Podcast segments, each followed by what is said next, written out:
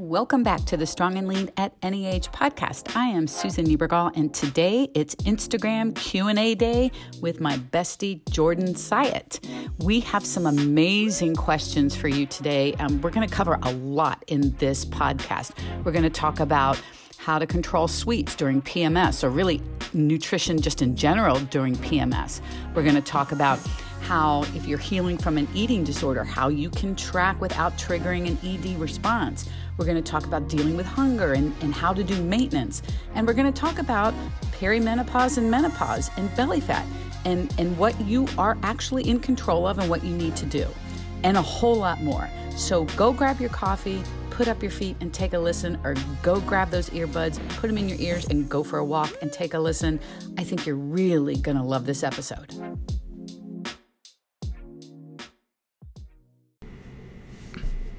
Hello, Jordan. Hello, Susan. How are you? I'm doing well. Just had a little audio trouble, but We now we're back at it. Yeah, I'm. I'm hoping that this works um, this time, just in case. Um, we have been busy with the Inner Circle edition. Got a lot done. We have a lot more left to do. Yep. Yep. Um, so we got a busy day. Picking the calorie cycling challenge winners. Yep, And we got a new one, new calorie cycling challenge coming up to start the year soon. that's perfect timing for that. Yeah. absolutely. Um, you just uh, took me through an incredibly hard workout. Very, very tough workout. Very tough workout, very different from what you normally write for me, Mm-hmm. um, purposefully. Um, and yeah, I came through. I'm I'm breathing and I'm living, um, but it was so different. And I think it's it's interesting to touch on that. Um, that last circuit was so cardio based. Yeah. Very unlike my typical strength programs that I have. Um, kettlebell swings had a lot of help from you on those, so now they're completely different. Yep, yep. We want to talk about the the what you what was happening before and then what helped fix it. Yeah, and this, by the way, you guys, this cue for kettlebell uh, for kettlebell swings is was so massively helpful for me. Um, and basically, I was hinging my hips back way too early, and that was keeping me leaning forward too far. And I probably wasn't getting enough power from the back either as a Yeah. result. All that. But um, when you told me to wait. Like as the bell's up in the air, wait, wait, wait, wait, wait, and then hinge. Yeah. What a difference that made. This is I think this is top 3 most common mistakes people make when they're trying to kettlebell swing Mm-hmm. is as the kettlebell is coming back down towards you, people will start hinging their hips backwards too soon. And if your hips are hinging backwards while the kettlebell is still out in front of you, then obviously the kettlebell is going to pull you forward. So your hips are going to shoot up. You're going to be all off balance. And if you ever feel off balance during the kettlebell swing, this is a very common reason why. If your weight is shifting forward into your toes, you might be hip uh, hinging your hips back too soon. So what you really want to think about is as the kettlebell is coming towards you, this cue works. It works well for everyone, but it, it generally geared towards men because it's using their genitalia. But you wait, wait, wait, right until the last second before the kettlebell is going to hit you in the balls, mm-hmm. right? And then obviously you don't want the kettlebell to hit you in the balls, so then you wait for that last second, and then right before it hits you, boom! Then you hinge, hip your, you hinge, hinge back, you send your hips back to the wall behind you, and what this does is it keeps the kettlebell as close to you as possible, and that's what you want for an efficient swing. You want the bell as close to your body as possible while you swing. Otherwise, it gets off kilter. It's super uncoordinated. You're going to be off balance. It's very. I mean, you have a huge ball that weighs a lot of uh, weighs a, a very heavy amount swinging around you, right? If that's going very far away from your hips as you're swinging, it's going to be very difficult to control it. So you wait for the last second. You reach really far behind you. You try and touch the wall with your fingers, and you just stand right back up, and it creates a really efficient force transfer. Yeah, it uh, those two cues, waiting to hinge and then the reach, reach way behind me, um, changed everything. Mm. Yeah. So they feel so much better now. Um, and then the, the the shoulder thing with the shouldering, yeah. Oh my God, with this massive forty pound ball. And first of all, it's forty pounds, which is no joke. And then it's just a big bulky. Yeah, ball. it, it's different. A 40 pound dumbbell is heavy, but you grip onto a very narrow handle. Right. When you have a 40 pound medicine ball that is a massive diameter and you have to hold on to it and pick it up and bring it up to your shoulder, that's very difficult. It's Yeah. much harder to pick up a, a really wide, it's obvious. Like picking up one thing that's 40 pounds versus something else that's 40 pounds. If it's, if the 40 pounds is, is narrow and you can grip your whole fist around it, that's no problem. Right. But you have to wrap your whole arms around it, bring it up to your shoulder. Now it's a full body exercise. That was incredibly difficult. Full body for sure. I, I started doing that. I told you earlier, Mm-hmm. but I started doing that specific exercise because in jiu-jitsu it, it's common to pick up your opponent. And I kept realizing earlier on when I was picking up my opponents that I could do it once, maybe twice, but as soon as I had done it, my my energy was I was spent. My cardio was gone because picking something heavy up takes a lot out of you. So what I would do is I would do the circuit that I gave you where I would pick the heavy ball up, I would do it 5 times or whatever per side then I would go right into bike sprints, mm. which simulates sort of like a jujitsu match where you pick someone up, you get past their guard, and then you have to sprint. You have to sprint in order to get like to advance your position.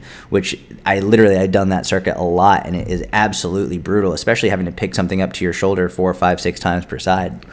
And I did notice on as I got into that move and used my legs and my hips more, the, I could get the ball Yeah, there. You yeah. know, I mean, at the first one, it was just like, what the hell's on? Exactly. I didn't know what I was doing. Um, super, super challenging. And then the sprints on that evil bike. I mean, it's evil in a good way. You- it was tough. I like the exercise. I like circuits like that where Mm-hmm. it's swings, shouldering, bike. But I really like exercises like the shouldering. Number one, a lot of people they massively underestimate how difficult it's going to be. Just looking at it, you're just picking something up and touching your shoulder and putting it back down. But when we're talking about, if we want to talk about functional training, which I think is massively overused term, but in this case, you're literally just picking something up. Yeah. And how Yeah. many times in your life do you have to pick, I don't know, a heavy bag of luggage? Like, I don't know, you're in the airport, you got to pick up this awkward implement to put it onto the scale for them to weigh, and it's going to be over 50 pounds anyway, and you have to pay them $2,000 for it. Right. But either way, you have to, like, the worst thing would be in that situation where you have to pick up this heavy bag in when you're rushing to get to a flight and then you hurt your back. Or I think a lot of times we think about weightlifting as, all right, well, it has to be perfect technique and everything has to be, be absolutely precise. But oftentimes when we get hurt in, in life, you're not hurt when you're doing something precisely. You're hurt when you're put in a situation in which you have an odd implement, you have an odd piece of luggage or a bag or a heavy whatever it is, and it catches you off guard. Mm-hmm. And I actually think training for that can help prevent injury in those situations. So I like having a big, big, clumsy ball that you have to pick up because it strengthens you in those positions. Yeah, absolutely. You know, everyone get, gets nicked up, and it's usually some little something, some little motion. Yeah, you're It's reaching for something, right. whatever it is. There's never a great story behind it. It's Yeah. always just something pretty simple. I was getting out of bed and oh, Uh, yeah. exact, whatever it is. Yeah. Yeah. No, I loved it. That was great. Um, yeah, it, very different. I loved it. It's, it's nice to mix things up for sure. Okay, we got a bunch of questions. Mm. Let's do it. So we're going to rock and roll with this uh, Instagram Q and A. Okay, so the first question: How to control attack on sweets during PMS? And, and you're going to take the lead on this one just because anytime a guy starts to talk about PMS, the initial response is, What do you know Yeah, about it? yeah. So I want you to go first, and then I'll, I'll talk about my experience coaching women through it as well. And fair enough. It's been a while, but okay, okay, just over here, okay.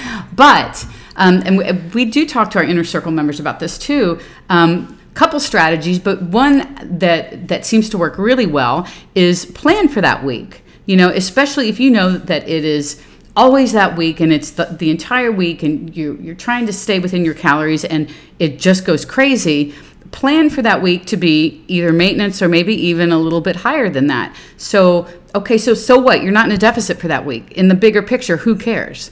That's not going to ruin anything. It's not going to, you know, just put your progress at a halt. What it's going to do is to control what could be an out of control all out feeding frenzy 24 7 you know? If you allow yourself and the word allow i think is super important. So if you enjoy whatever that sweet is and you are allowing yourself to have to have it i think it takes on a whole different feel and a whole different look and it it will fit into your calories and if it just goes over your calories who cares? You are taking control of a situation that before was not in control. Yeah, yeah, I agree. I think um, you brought up a good point where I think people might hear go into a, a surplus one week and then they think, well, they're gonna that's gonna ruin all their progress. But what they don't realize is, okay, let's say you're in a surplus for one week, and then you're in a deficit for three weeks. Well, by at the end of four weeks, you've been in a net deficit, Right, and people yeah. don't think about it like this. Yeah. Fat loss doesn't happen on any given day, right? It's not just like, okay, well, you're in a deficit today, so it's like you've lost that you've lost a significant amount of fat. It's like no, Mm-hmm. at the end of 30 days, were you in a net deficit out of all those 30 days or were you in net maintenance or were you in a net surplus? And that over time is what dictates whether or not you gain or lose fat. So if you have one week where you're in a slight surplus that week because maybe it's pms and you're craving more and you need to eat more fine. Just make sure the following weeks you get into a net deficit. Yeah. Now, I think a really great way to handle this is to deliberately increase your calories that week, so you have more more wiggle more wiggle room. Mm-hmm. So if you know, like, let's say your maintenance calories, we'll call it is is eighteen hundred, right? If your maintenance is eighteen hundred, maybe during that week push them up to two thousand every day.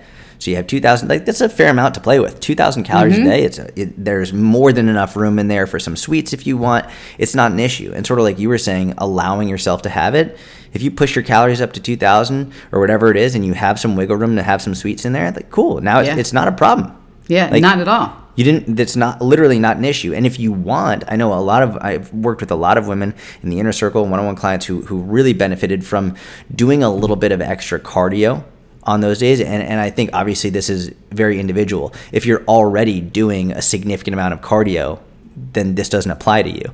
But if you're if you were mainly if you're not exercising at all or only doing a little bit of strength training a couple times a week, maybe doing a little bit of cardio whether it's like 20 30 minutes of walking maybe you want to do a little a little circuit just like to a lot of times what will happen is when you do something like that sort of like you just did right now once you were done with that circuit you were like all right like i need to let things settle before i even think about eating Yeah. anymore. That will happen a lot of times where you do like, that circuit took you all of like what 12 minutes? Mm-hmm. It's like just doing something quick oftentimes will help you it gets gets it out of sight out of mind. You feel really good. And i think a lot of times especially during that time of the month i think sitting around and just always thinking about food can be the worst thing that will happen so if you do something to take your mind off of it whether it's a little walk little circuit whatever it is it can help get rid of that that craving Great point. Absolutely. Okay, next question. How does a 65 year old woman with arthritis in one hip and bad knee on the other side get fit? That's a great question. Yeah. So I mean, I think um, number one, I love that that they just want to do something. Like, Yeah. They're like, okay, well, how, how what can I do? How can I do it? I love Mm-hmm. that they're asking a question about how can I do this rather than saying, oh, well, it's not going to happen. Correct, It's yeah. uh it's an optimistic attitude rather than a pessimistic one, uh, more rather than a defeatist one, if you will. Like, okay, so here's what I'm struggling with. What can I do? A- and it's a very individual question, and you re- I would definitely recommend working with a, a physical therapist in your area, working with someone who, who knows you personally, who can keep track of what you're doing. The most important thing is trying to avoid anything that causes pain. Right. So if you're doing something like, I don't know, if you're trying to do jump squats, that's probably not a good idea. Right. You don't need to be doing jump squats. You don't need to be doing kettlebell swings. You don't need to be doing anything explosive. Uh, I think getting fit in and of itself is a very individual and uh, it's very subjective, right? Like just getting fit is getting more fit than you currently are. So improving in some way. So, I mean, whether it's getting better at push ups and maybe you start with your hands on a wall wall push-ups and then from there you go down to a counter and from there you go down to a table and then to go down to a couch. And so getting more fit would be just getting stronger. You don't need to be doing anything high intensity or high impact. So i think just something as simple as whether it's walking getting better at push-ups uh, improving in some way. And this is i know you and i talk about walking all the time. If you can walk amazing. If you can't walk swimming might be a really great option if you have access to a pool. Uh, that would be a really really cool option. Uh, what do you think? Walking in a pool like i Hmm. know some pools have the like a three foot whatever the whole way um, and walking in a pool Hmm. is probably one of the best things you could do especially if you have a cranky knee. Um, but yeah I, we talk about walking and how people just kind of blow past that Yeah. and i think maybe part of it is because you know a lot of people talk about strength training and i think they're thinking i have to strength train and and while that is super helpful and obviously going to pay dividends as you keep getting older and you you know the whole functional life bit um, yeah you can build strength a lot of different ways um, but it could always start with walking Yeah. um, and and get make that a non-negotiable some sort of walking every day whether it's five minutes, 10 minutes, whatever. Yeah. And then, I, you know, we're, we're big on push ups. So doing the wall push ups. I mean, a lot of people don't want to start there. They want to start on the floor. Yep. And they get frustrated. I can't do them. I can't do them. But if you start on the wall, get really good on the wall so they're like easy. And then go down to your counter and stay there until those are easy. And then get down to the table or the couch or and you know and work your way down to the floor is a great way to build strength, number one, and the confidence is going to come from that will be outrageous. Yeah, agreed. And you can get some bands, do some band Yeah. pull aparts. Yeah. You can do band exercises. I mean, there, there's no shortage of, of ways to, to work your body and to work around any injury or issue that you currently have. Absolutely. I, I think people think they have to get behind the bar and do all this, and you know, and it, it's just not that way. Yeah. So perfect. Okay. So the next question, there were a lot of questions surrounding maintenance and how to do maintenance. So so let's kind of talk about what what we kind of recommend for getting into maintenance. Yeah, I mean, th- this is a this could be a podcast in of itself. It could Right. be like a whole book. For whatever it's worth, um, we do have an entire manual about maintenance in the inner circle. It ta- walks you through literally everything you need to know how to individualize it for yourself. I think that's a, a good place to start, which is what we named that manual. Yes. Which is it- it's we named it the Momentum Manual, and it took us a while to come up with that name. Do you remember? We were thinking about how what, we realized that the na- the name the term maintenance was turning a lot of people off and actually was scaring a lot of people mm-hmm. away from doing it which is the exact opposite of what we want because maintenance is a very very important uh, part of the process and most people who say they've been dieting for years and they, they've been trying to lose weight for years uh, they're afraid of, of deliberately transferring into maintenance because essentially they think that maintenance means means that they're they're not making progress anymore They're just stagnating. they, and the name sort of implies It that, does, whi- which is which is an issue. Uh, so we renamed maintenance to momentum, Mm-hmm. and, and the reason for this is if you're using maintenance properly, and, and we're going to now start using the word momentum to describe it. Uh, if you're doing momentum properly, then what you're doing is you are going to be getting stronger. Mm-hmm. You're going to be building more muscle. Your metabolic rate will be increasing. Your relationship with food will be improving. You'll be able to eat more food while still not only still accomplishing your goals, but achieving even greater goals. Your energy will increase. Your libido will, will increase. Your mood will increase. So there are so many positive benefits to a momentum phase that most people are turned off and away from it and scared of it because they think that well they're no longer going to be losing fat. Well, you're correct in that the best way and really the only way to lose fat is to be in a caloric deficit, but if you've been trying to be in a deficit for months or years at a time and haven't been successful with it, it might be the best time to get out of that mindset to go into a momentum phase, to give yourself a break so then you can number one, you can get stronger, you can feel better, you can stop actively trying to diet and then eventually decide, you know what, okay, now it's time for me to take a diet more seriously. It's time to me to get for me to get into a calorie deficit. So I think one of the main benefits of going into a momentum phase is taking a diet break. Mm-hmm. Stop trying to be in it all the time just so you can give yourself some leeway, eat more, feel better, train harder, recover better, and then go on from there. Yeah, I, I we have found so much with the inner circle members too that taking a diet break is sometimes the best thing Yeah. and the the key to long term sustainability with trying to lose fat. Um, it it just people that, that tend to take these diet breaks. It's not so much the physical break from the calorie deficit as it is the mental break. And I think that just gets you refreshed. And that's why we like the, the term momentum because we feel like while you're there, getting refreshed and gaining more strength and building some muscle and all that, you are getting ready to do whatever's next for you, whether it's go into a surplus maybe or go back into a deficit whatever it is so you're just kind of recharging in some ways Yeah. um, and, and it'll make it easier in the long term The other thing about momentum is I think a lot of people from look at fat loss as though it's it's a one-time thing in terms of they'll be like, "Okay, so once I lose this fat, I'll be good and I'll never have to worry about fat loss again." That's not really how it works. I've never met anybody in, in the fitness industry or in the world who's ever they, they've lost fat and then like that's just been it for the rest of their life. For example, and we're going into the holidays right now. I know for a fact I'll probably gain between three to five pounds over this holiday season Mm-hmm. because I don't want to count my calories and I don't want to be in a deficit this time. Like I, so obviously, if I'm not going to be in a deficit this holiday season and I'm going to be eating more than usual and probably exercising less than usual, I'm going to gain weight. So the I, I'm not supposed to be fearful of that. The whole purpose is to enjoy the holidays and then use the knowledge that I have to, if I decide I want to get rid of the the fat that I gained, then I can go into a deficit for a mm-hmm. month, six weeks, eight weeks, whatever it is, and I'll be fine. This is more realistic. This is how life works. You lose fat, then you change mm-hmm. phases, and then different things happen in life. There are different seasons in life. Maybe you gain a little bit, and maybe the ideally, while maybe you're gaining some body fat. You're also putting on some muscle, getting stronger, focusing on other things and then you can then decide to lose it again. And this is how it works. It's not like you lose fat once and for all and then it's just gone forever. Like life happens and things happen in which you have to roll with those punches and that's normal and expected and not a bad thing.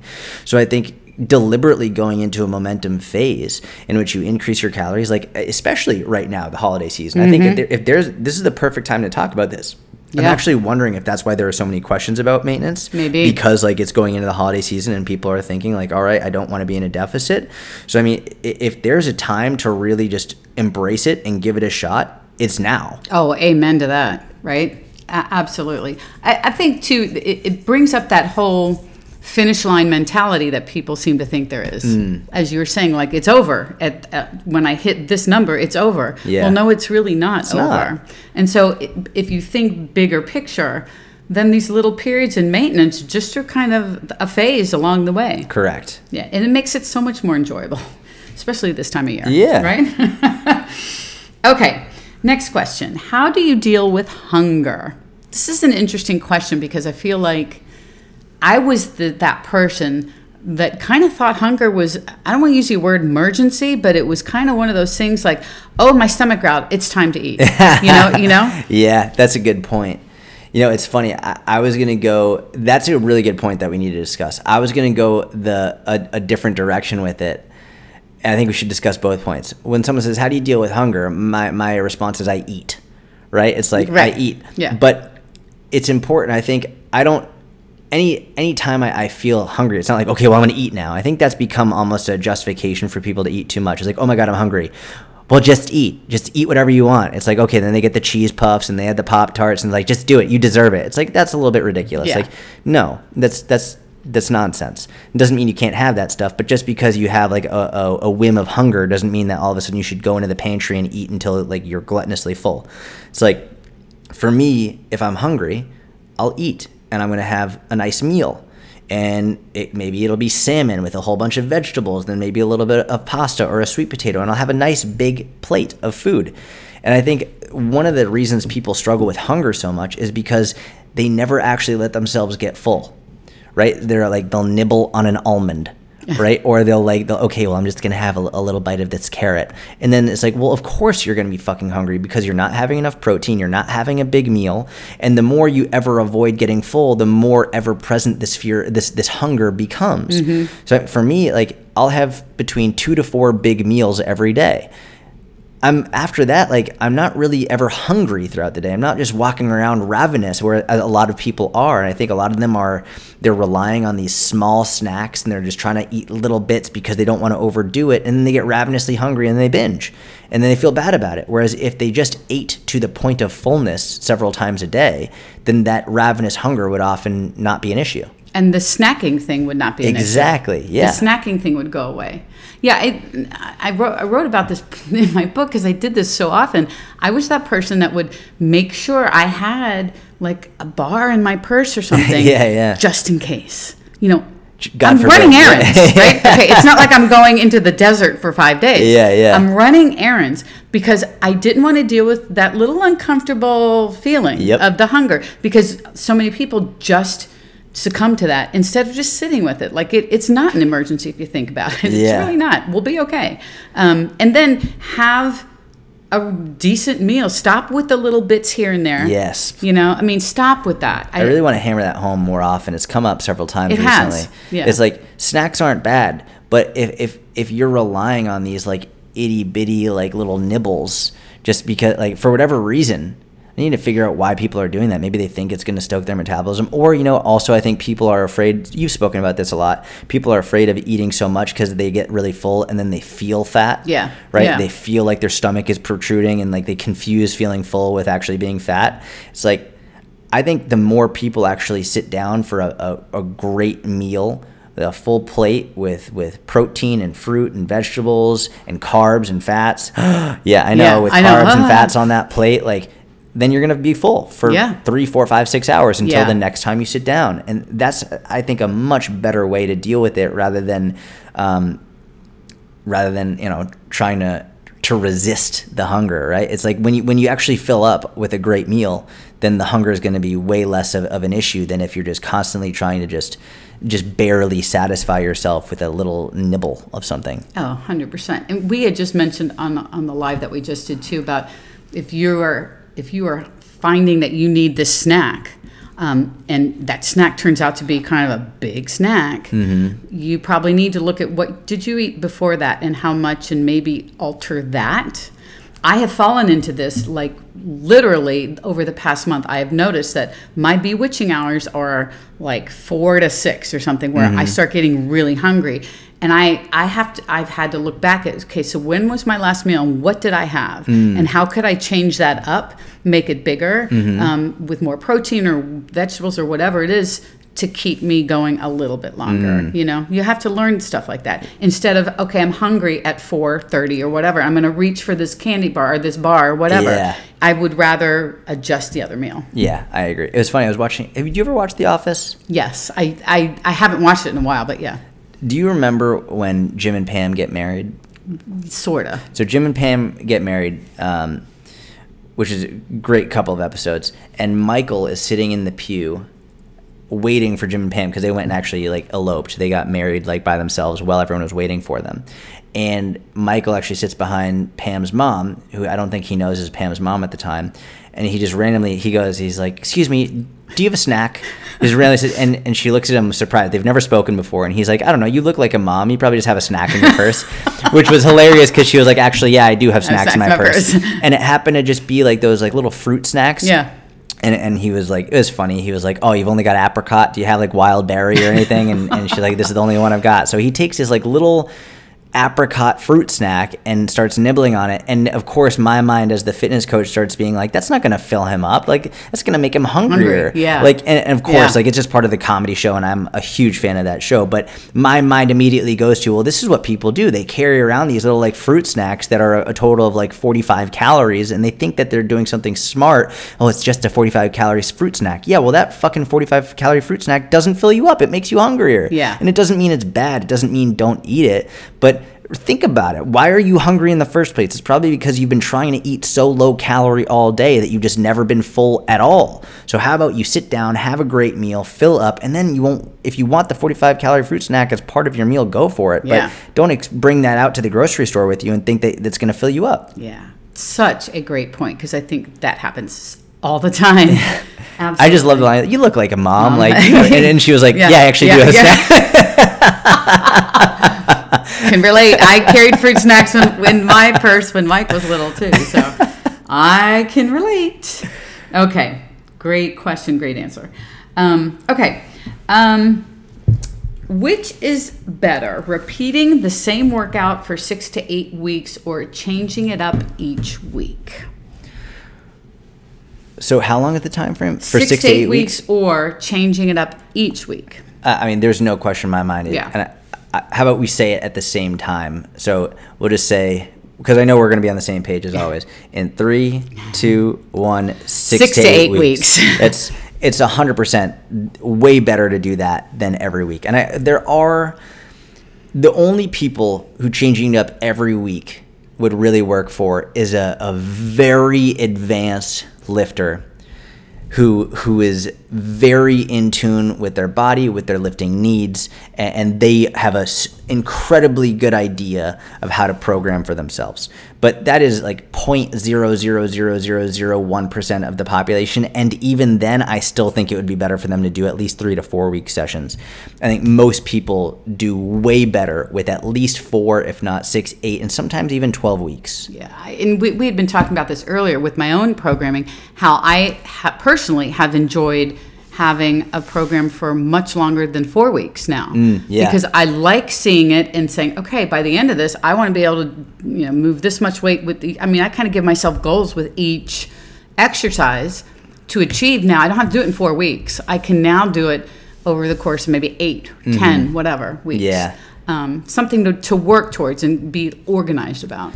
I think that's an important thing to consider here is pe- people are like, well, I want a new program every week because it, you know, it's fun and exciting and new. But what they don't realize is is one of the major reasons why you should have a program for numerous weeks in a row is specifically to improve in each movement. A lot of people are like, well, what, what is progressive overload? I don't know what progressive overload is. This is it. Mm-hmm. Progressive overload is you follow the same program for four, six, eight, 12 weeks, and each week you try to improve in something. It doesn't mean you improve in every single thing every week, but let's say you're squatting with, uh, well, just as a random number, let's say you're squatting with 100 pounds for uh, six reps the first week. Then maybe the next week you do 100 pounds for seven reps. Then maybe the next week you do 100 pounds for eight reps. Then maybe the next week you do 105 pounds for six reps. So now, literally every week you've improved. You've either increased the reps or you've increased the weight slightly. This is over a three to four week period. Now you've progressively overloaded. You will be getting stronger and you will be building more muscle. There's a very basic format of progressive overload. Maybe maybe the, the in the in the program it says you're going to do uh, push-ups to failure. So on week one you get 10 push-ups. On week two you get 10 push-ups. On week three you get 10 push-ups. On week four you get 12 push-ups. There you go. That's progressive overload. It didn't happen in a week but over four weeks you've improved and you've gotten stronger and you've gotten better. This is why i think having a program for at least at the bare minimum four weeks is so important because it it forces you to actually get better in each movement. Whereas if you're changing it every week then you're never getting better. You're just doing things differently. You don't have any way to track your Correct, progress. yeah. You really don't know. So, yeah, definitely six to eight weeks Yeah. for sure. Okay, um, how long should a typical uh, build phase be um, for? Uh, she said for a chick. Tips for a chick first bulk. Tips for the for a chick for their first bulk. Um, I would I would say, I mean, it doesn't matter if you're a if you're a chick or a bro. We'll call it right. Chick or Uh, a bro. I almost said it doesn't matter if you're a chick or a dick. it doesn't matter what genitalia you have. I think um, a building, a, a growth phase, building phase, bulk, whatever you want to call it. Um, should, I would say it should probably be at least at least three months. And, and the reason I say that is because fat loss is. w- People are gonna be mad when I say this. Fat loss is way easier Way easier. and, and it can happen way more quickly. Mm-hmm. You can change the rate at which you lose fat by changing your caloric deficit, by manipulating how many calories you're eating. You can lose way more fat if you decide to eat way fewer calories. Doesn't mean that's necessarily smarter, but you can. You can't change the rate at which you grow muscle. Like there, there is an upper. You can reach the upper limit if you're optimizing it, but you can't go past that unless you're taking anabolic steroids, which we're not recommending, right? So I would say the most amount of muscle someone can really expect to gain in three months it, I- I don't know about like four pounds like and that's on a high end. Mm-hmm. Espe- and if we're talking about for women maybe even less maybe even two pounds over three months. Mm-hmm. Like that is not a, a trim it's it's a it's great it's really good but two pounds three pounds even if you get four pounds of muscle in three months like it's not a lot.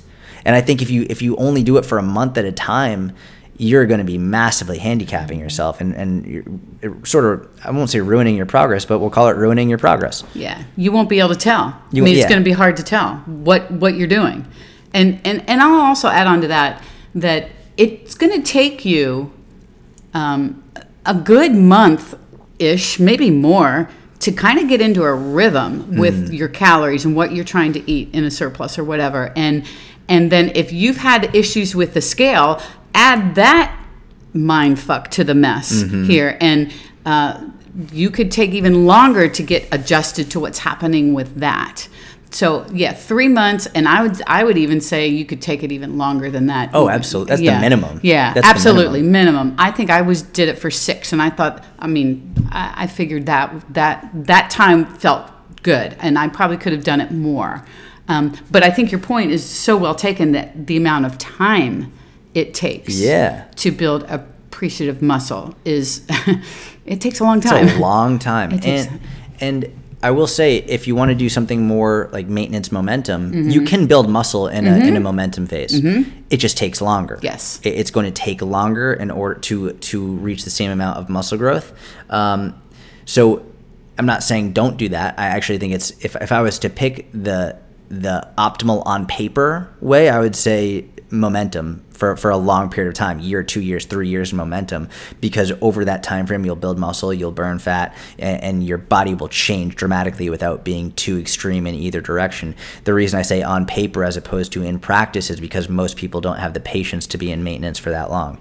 So um, i would say bare minimum three months for, for a growth phase and, and no issue going six eight ten months in Sure. a growth phase if you're doing it properly not if you're like doing a dirty bulk right where like you're just eating as much as you possibly can and you're just totally fine gaining as much body fat like that's not a healthy way to do it nor do i think it's an intelligent way to do it if you're doing it in an intelligent way just slightly eating in a caloric surplus there's no reason not to go for 6 10 12 months sometimes Absolutely. And I want to hammer home one more thing that you just said is being in momentum for years. yeah Years. And and really hitting your workouts and doing that. I think just make sure you all hear that. It's years. It's not a couple months of momentum. Let me see how much muscle I built.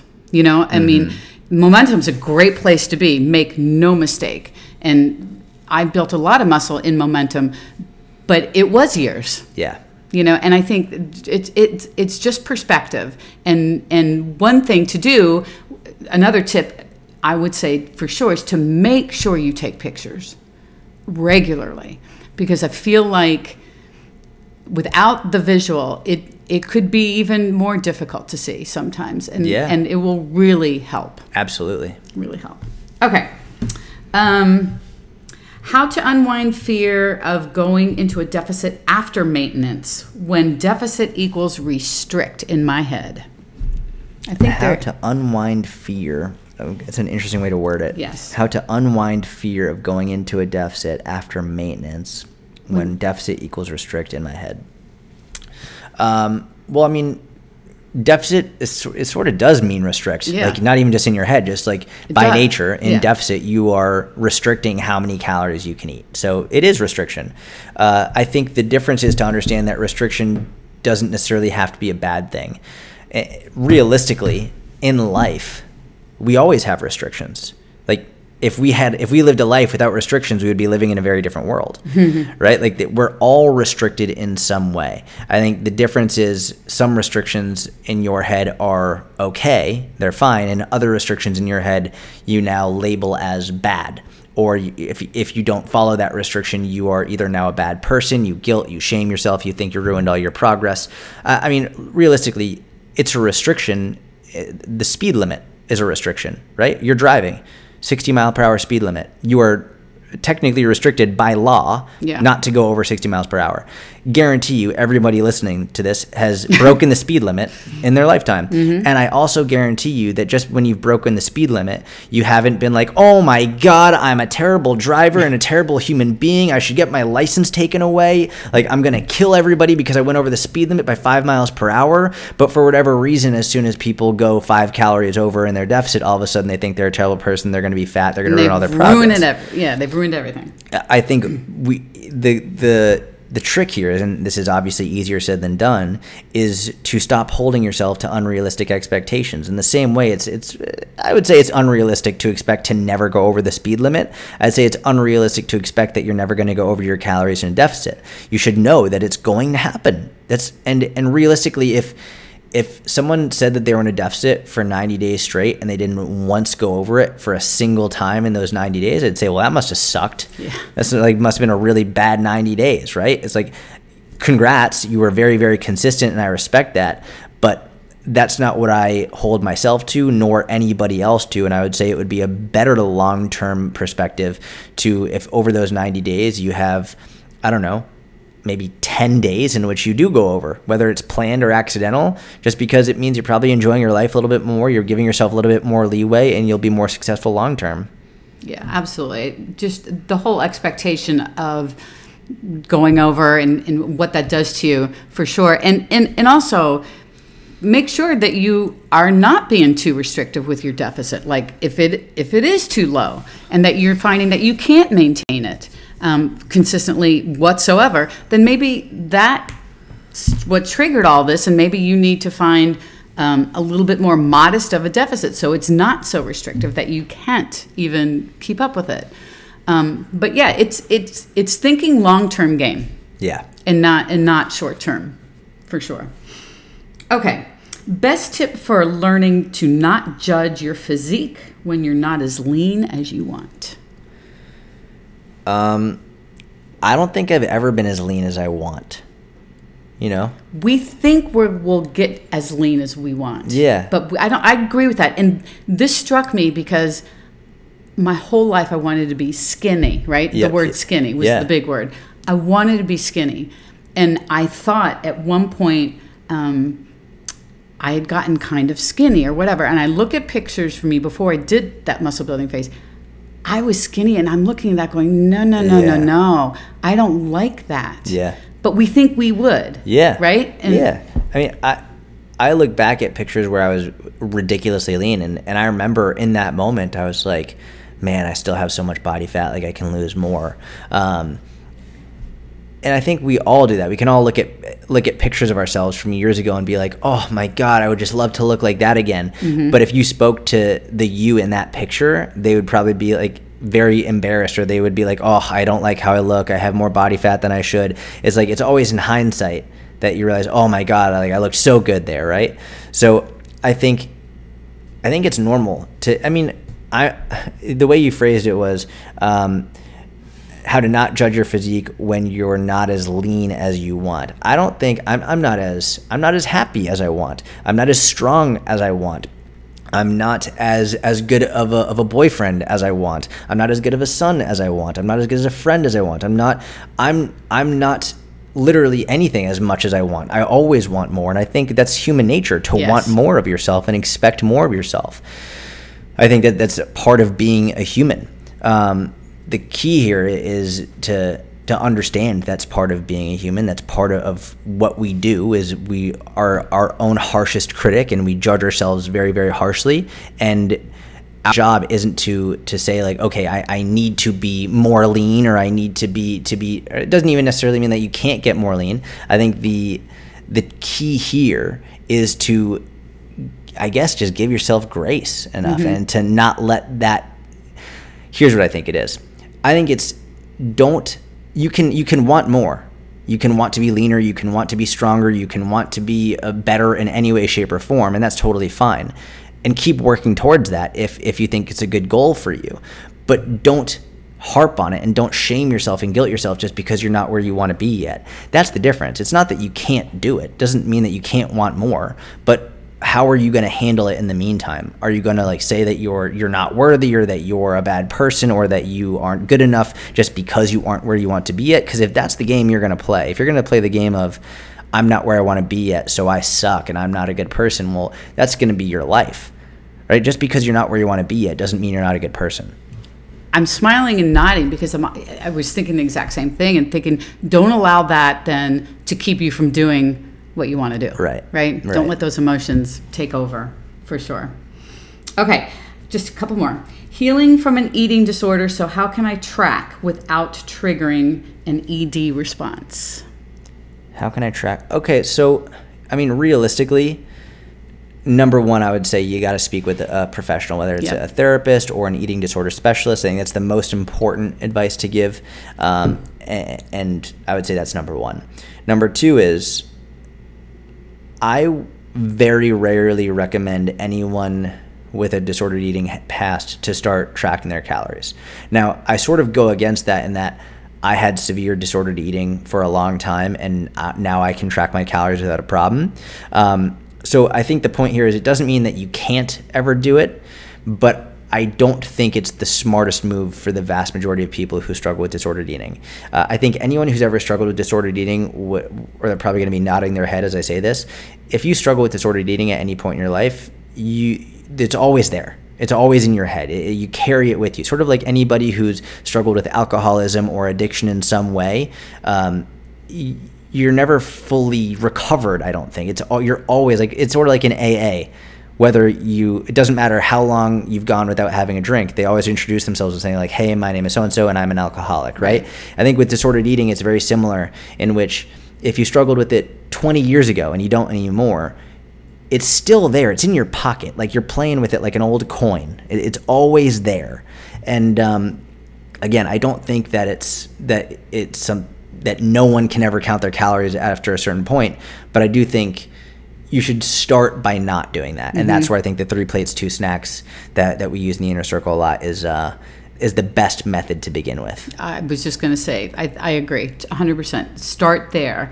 Um, because there is control over that. So you, you, it's not out of control, but it's not so obsessive. Yeah. There's a lot of leeway with that. Okay, the last question. I'm 44 and the belly fat is out of control. Could it be a premenopausal issue? How to fix? What do you think, Susan? um, I'm very hesitant to take the lead on uh, anything related to to that. um, you know, premenopausal issue, menopausal issue. You know, our bodies change. That's a fact. Um, our our bodies changing so much that all of a sudden, out of the blue, we have fat that's just sitting there. No, uh, no, they they don't. Um, what does happen is that over the course of many, many, many, many, many years, we become less active. We get married. We have kids, and God, once you have kids, man, you are like your life is their life. You know, you're driving around at the drive-through, getting dinner on the way to practice. You're not eating the way that you would want to eat. You probably don't have time to exercise like you have exercised, and the perfect storm gets created um, about this this age with hormones kicking in and you're, you're heading into menopause, all that kind of stuff. So, long winded way of saying you have control over this, which is like the best news ever. Um, if you feel like for some reason you do not have control, you've tried and tried and tried and things have never worked out for you, uh, just, just go get checked out by your doctor because getting a blood panel, checking your thyroid, checking everything, just to rule everything out so you can um, try to lose that fat that you want to lose in a calorie deficit, which will work. Um, it will work for you whether you have an issue, whether you don't have an issue. It, it will work. But what needs to happen is being consistent with it over time, which is what usually does not happen. And, and we can blame our belly fat on menopause and all kinds of things when it can play a role. There's no doubt about that. But the best part about it is you are still driving the car. Like you can still go whatever direction you want. You just have to commit to doing it. And and that means maybe planning your meals out ahead of time. That might mean um, you know, choosing different foods here and there and tracking your calories and weighing your food, things like that. You know, it's interesting. I think you bring up really good points. And as you were talking, I was thinking of uh, I remember when I was in college, I was told, and before college, I was told by everybody, oh, better enjoy college because those are going to be the best years of your life. And I remember always being like, really? Like, this is so after this, I'm, it's just going to be downhill and it's going to suck. And, and I remember like sort of being adamantly against it and being like, fuck that. I'm not going to let that happen. I'm not going to let, you know, these next however many years be the best years ever and then everything is downhill after that and I found out that the people who were telling me college are the best years of your life are people who were just unhappy and people who they they did whatever they wanted in college and they had a lot of fun and then they made a bunch of their own decisions that led to their own unhappiness after college. And I've seen the same thing in this situation with with people who gain weight during menopause, where I see a lot of people who've gained weight after having kids and during menopause, where they tell other women, "Oh, yeah, good luck. Yeah, after you have yeah, kids, after it's all you, over, baby. It's all over. You're done. Like you, you can't change anything about it. Like you're just going to gain weight." And then I see so many women who are just crushing it after they have kids, during and after menopause, when like like not least of which the woman sitting right next to me, like who's just completely gone ag- against the norm and shown it's not true. That doesn't have to be the case. Doesn't mean it's not harder, which it mm-hmm. is. Like doesn't mean you're not going to have serious challenges and difficulties, which you will. But you're still in control. You're still the driver. And generally speaking, the people telling you that you can't do it are just the ones who decided not to do it right? It's like they're just the ones who gave up and, and, said, well, this is it. And they justify their inaction by saying, well, it's just impossible. And, and that's not the case. It is possible. You can absolutely do it. And uh, there's no reason not to try.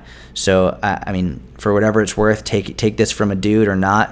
I know a lot of people get offended, like, oh, you're not going through it, so how would you know? It's like, well, take it or leave it. But the fact is, like, you can absolutely do it. And, uh, and that's it. Well, I have lived it, so yeah. I will vouch for it.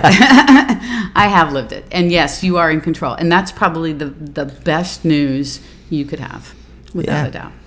Well, this has been great. This has been wonderful. Happy yeah. holidays, Susan. Yes, happy holidays to you too. Where can everybody find you if they're living under a rock and they don't know?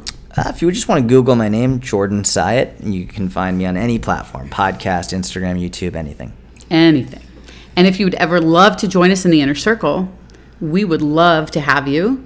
You can go to sfinnercircle.com and get some information there. Yeah, if you want the, uh, especially with the new year coming up. Yep. It'd be uh, if you're not sure what program you should follow, if you're not really sure how to do certain exercises or how to structure your nutrition, and especially if you just want a great community of people to encourage and support you and I think that's really the, the biggest, and we say this all the time, but a lot of people, they're not surrounded by people who encourage them. They're not surrounded by people who support them. They're not surrounded, they're not in an environment of people who are very health conscious. Yeah. And, and uh, if you really want to start off 2021 in a way that's going to put yourself in a, in a community of people who are like that and who mm-hmm. will support you, then head on over to sfinnercircle.com and sign up. Yep, we'd love to have you.